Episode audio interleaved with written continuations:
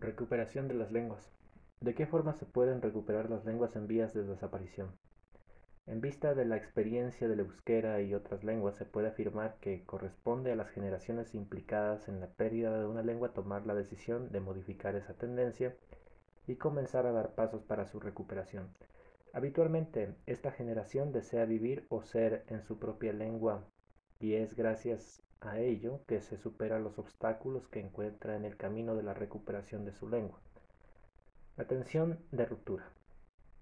Para cuando la situación provocada por la pérdida llega a ser insostenible, el hablante no puede sentir apenas fe en su lengua y su comunidad de hablantes, lo que puede impulsarlo a desistir y dejar de lado su lengua totalmente. Sin embargo, esta situación suele constituir un punto de inflexión que puede provocar en él la actitud contraria, es decir, romper con esa tendencia y abordar la recuperación de su lengua. Cuando el hablante resuelve abandonar su actitud anterior y adopta una actitud favorable a la recuperación, se produce la tensión de ruptura. y en este punto la comunidad de hablantes comienza a dar los pasos necesarios para la recuperación de su lengua. Por lo tanto hay una normalización inicial donde hay más autoconfianza, ahí se da mm, el monolingüismo territorial, la recuperación de funciones, la protección legal, la compactación de la comunidad lingüística y optimización también de los hablantes.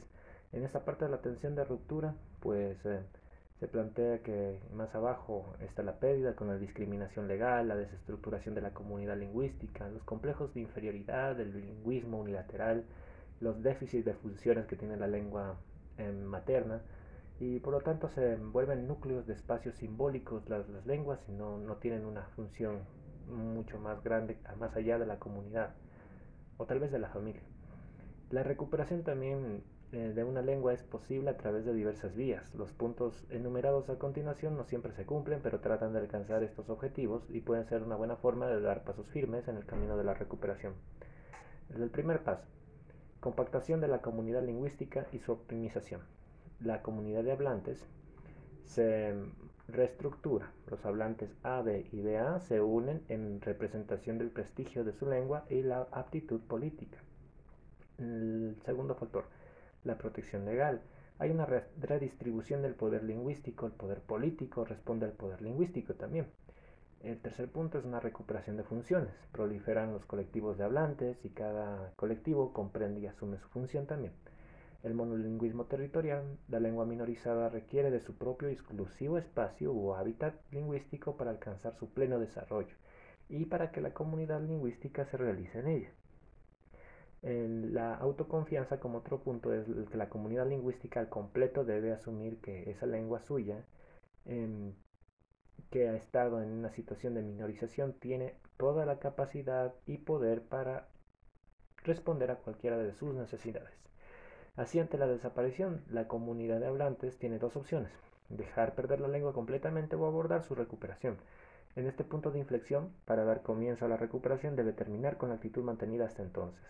La tensión de ruptura supone acabar con la diglosia anterior y la generación que toma esa decisión adquiere una importancia vital en la historia de su lengua. De hecho, la característica principal de esta generación de promotores consiste en trabajar siempre mirando a las generaciones futuras, sin esperar a, otros empieza a dar pasos por su lengua. Tras la tensión de ruptura, en ciertos casos han sido necesarias dos generaciones, entre 20 y 25 años, para completar la revitalización de la lengua. No obstante, más allá del tiempo, lo realmente importante es que la generación que provoca la ruptura sienta deseos de vivir y ser en su propia lengua. La primera condición para la recuperación de una lengua minorizada radica en el deseo de los hablantes. Aquí viene el deseo o voluntad de ser.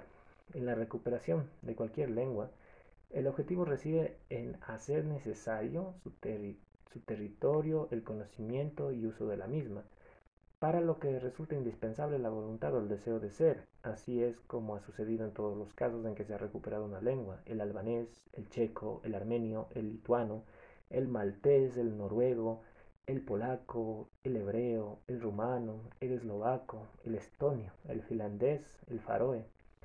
La primera condición para la recuperación de una lengua minorizada radica en el deseo de los hablantes. Resulta imprescindible que verdaderamente sientan la voluntad De hecho, si la comunidad lingüística no desea proteger su identidad, si está dispuesta a ser asimilada consciente o inconscientemente, no hay nada que hacer.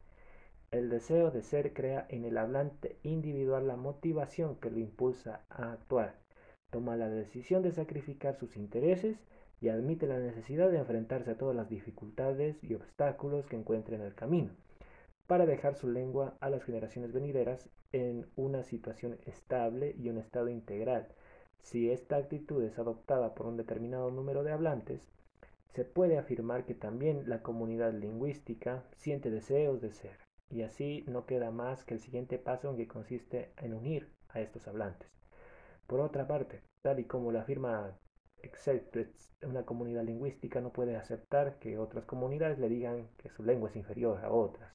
De hecho, precisamente es creer que su lengua es tan válida como cualquier otra lengua humana lo que garantiza la supervivencia de una comunidad lingüística en cualquier época histórica.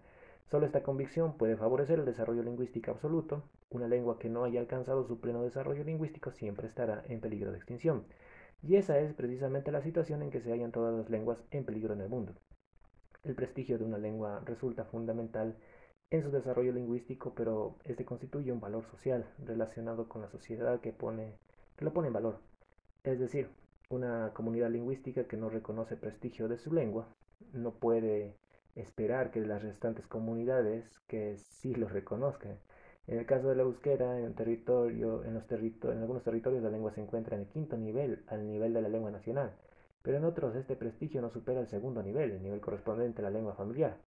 En ciertos casos ni siquiera el primero. En estos casos el euskera constituye una sublengua. Esta perspectiva se agrava con las valorizaciones realizadas fuera de los límites del euskera Eh, sin embargo, el euskera debe asegurar su posición como lengua nacional en todo el territorio, dado que si no, descenderá al nivel de una lengua local o dialectal. En este nivel, las vías para llegar a ser lenguas culturales se cerrarían. El conflicto pasaría a los niveles 3 y 4 y finalmente a los niveles 2 y 1, hasta completar un proceso de sustitución. Para salir de esta situación debe abordarse el proceso de recuperación de las lenguas, pero en este camino es importante reconocer el peligro real de la lengua, em, que la lengua desaparezca y poner todos los medios posibles para lograr el equilibrio necesario para su supervivencia nos plantea que la parte del idioma A, por ejemplo, parte desde lo nacional, lo local, lo laboral, lo familiar, hasta lo personal. Y en el idioma B, pues también se da un menor uso en lo nacional, un menor uso en lo local, en lo laboral o en lo familiar, y hasta en lo personal, pues va degradándose hasta que llegue a desencadenarse una sustitución de una lengua extranjera por la lengua propia de la, de la comunidad.